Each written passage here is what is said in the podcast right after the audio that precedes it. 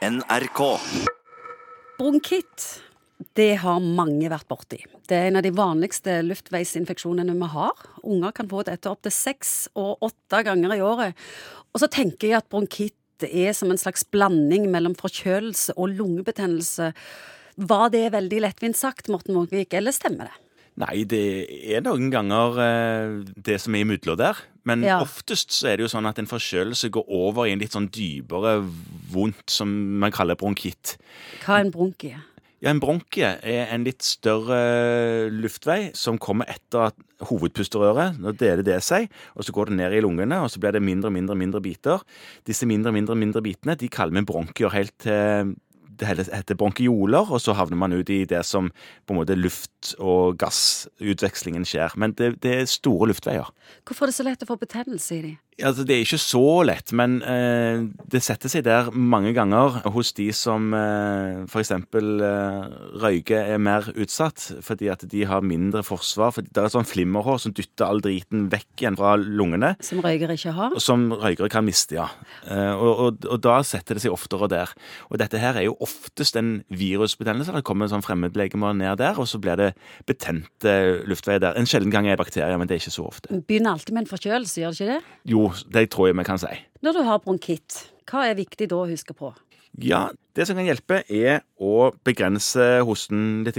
Prøve å ta hostestillende, for det hosten provoserer bare mer det som allerede er irritert. Særlig hvis en har en tørrhoste, for den, eh, der skal en ikke hoste opp noen ting. Jeg vil påstå jeg aldri har prøvd ei hostesaft som har hjulpet. Nei, det er noe mange som, som sier det. Og det, det er jo ikke forskning som viser at det har så veldig mye for seg heller. Kunne det vært lurt å prøve med konjakk eller whisky?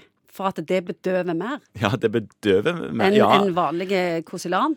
Altså, Der blir det plutselig en aldersgrense, men det er det på mange hostesafter òg. Så Ja. du kan jo prøve. altså, Jeg skal jo ikke sitte her og promotere noe, noe form for drikkevare, men ja, altså det å begrense hosten Som jeg sa, det er ikke vist i forskning at det begrenser sykdomsvarigheten. Verken det eller slimløsende stoffer har vist å begrense det noen ting. Men hvis det, hosten på en måte ikke gir seg, og hosten kan vare månedsvis, mens infeksjonen bare varer en uke eller ti dager. Så for å begrense hosten, så er det enkelte som blir utstyrt med astmamedisin, faktisk, for å spyle ut luftveiene sånn at en hoster mindre. Etter din personlige erfaring, hva er den beste måten å dempe hoste på? Astmamedisin. Mm. Ja.